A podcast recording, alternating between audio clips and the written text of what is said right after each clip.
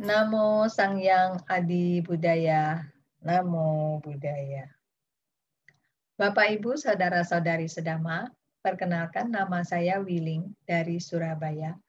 Sungguh merupakan satu kebahagiaan dan berkah bagi saya diberi kesempatan oleh Romo Ananda untuk mengisi YouTube channel beliau dalam rangka menyambut Hari Kartini.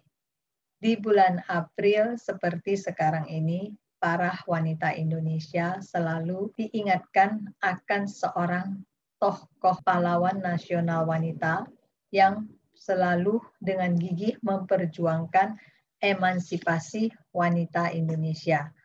Ibu kita Raden Ajeng Kartini pada masa hidupnya selalu memperjuangkan persamaan hak antara wanita dan pria, terutama di dalam bidang pendidikan dan buku yang menjadi kumpulan surat-surat yang ditulis tangan oleh Ibu Raden Ajeng Kartini dengan judul Habis Gelap, Terbitlah Terang, sangat menginspirasi para wanita Indonesia. Saudara-saudari sedama, di zaman sekarang ini, para wanita Indonesia sudah tidak perlu lagi berjuang untuk mendapatkan persamaan hak Ibu kita Raden Ajeng Kartini sudah melakukannya dengan baik dan sekarang ini wanita Indonesia sudah bisa mengejam pendidikan setinggi mungkin, menjalani profesi atau karier yang sesuai dengan kemampuan intelektual mereka. Bahkan wanita Indonesia bisa menduduki jabatan tertinggi sebagai Presiden Indonesia yang kita miliki Presiden kelima, Ibu Megawati Soekarno Putri. Perjuangan Ibu Raden Ajeng Kartini mengantarkan para wanita Indonesia dari gelap menuju terang adalah sesuatu yang luar biasa. Bapak, Ibu, Saudara-saudari sedama, pada kesempatan ini saya ingin sharing apa yang akan terjadi dan mungkinkah itu terjadi dari posisi yang sudah terang kembali ke gelap saya diingatkan akan Dhammapada 182 yang bunyinya, sungguh sulit untuk dapat dilahirkan sebagai manusia, sungguh sulit kehidupan menjadi manusia, dan sungguh sulit untuk dapat mendengarkan ajaran benar atau dhamma. Begitu pula sungguh sulit munculnya seorang Buddha. Di dalam Dhammapada ayat 182, Sang Buddha mengatakan kepada kita bahwa untuk terlahir sebagai manusia adalah sesuatu hal yang tidak mudah. Padahal terlahir sebagai manusia adalah suatu hal yang sangat menguntungkan dan membahagiakan. Mengapa?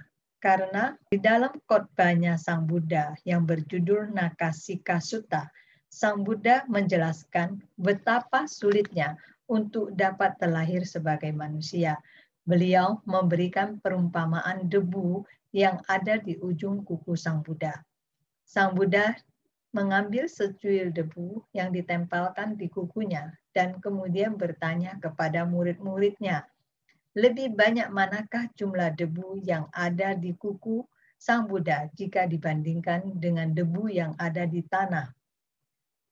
Para siswa Sang Buddha menjawab bahwa jumlah debu yang ada di ujung kuku Sang Buddha itu terlalu sedikit dan dapat diabaikan bila dibandingkan dengan jumlah debu yang ada di tanah. Jumlahnya jauh lebih banyak. Sang Buddha melanjutkan bahwa bagi mereka yang terlahir sebagai manusia, setelah kematiannya untuk dapat terlahir kembali sebagai manusia adalah sangat sedikit sekali. Jumlahnya menyerupai debu yang ada di ujung kuku Sang Buddha. Sedangkan mereka yang terlahir kembali di alam-alam rendah seperti alam neraka, alam binatang, atau alam setan dan alam raksasa setelah kematiannya itu sama banyaknya dengan debu yang ada di tanah. Jadi Buddha ingin mengingatkan kepada kita bahwa kita harus bisa menghargai kehidupan kita saat ini sebagai manusia. Teman-teman, Bapak, Ibu, Saudara-saudari sedama, supaya kita dari terang tidak masuk ke gelap, maka kita harus bisa menghargai kehidupan kita saat ini terlahir sebagai manusia. Kita harus bisa merawatnya supaya pada saat kematian minimal kita dapat kembali terlahir sebagai manusia. Artinya kita dari terang tidak menuju ke gelap. Demikianlah yang bisa saya sampaikan pada kesempatan ini. Semoga memberi manfaat bagi kita semua.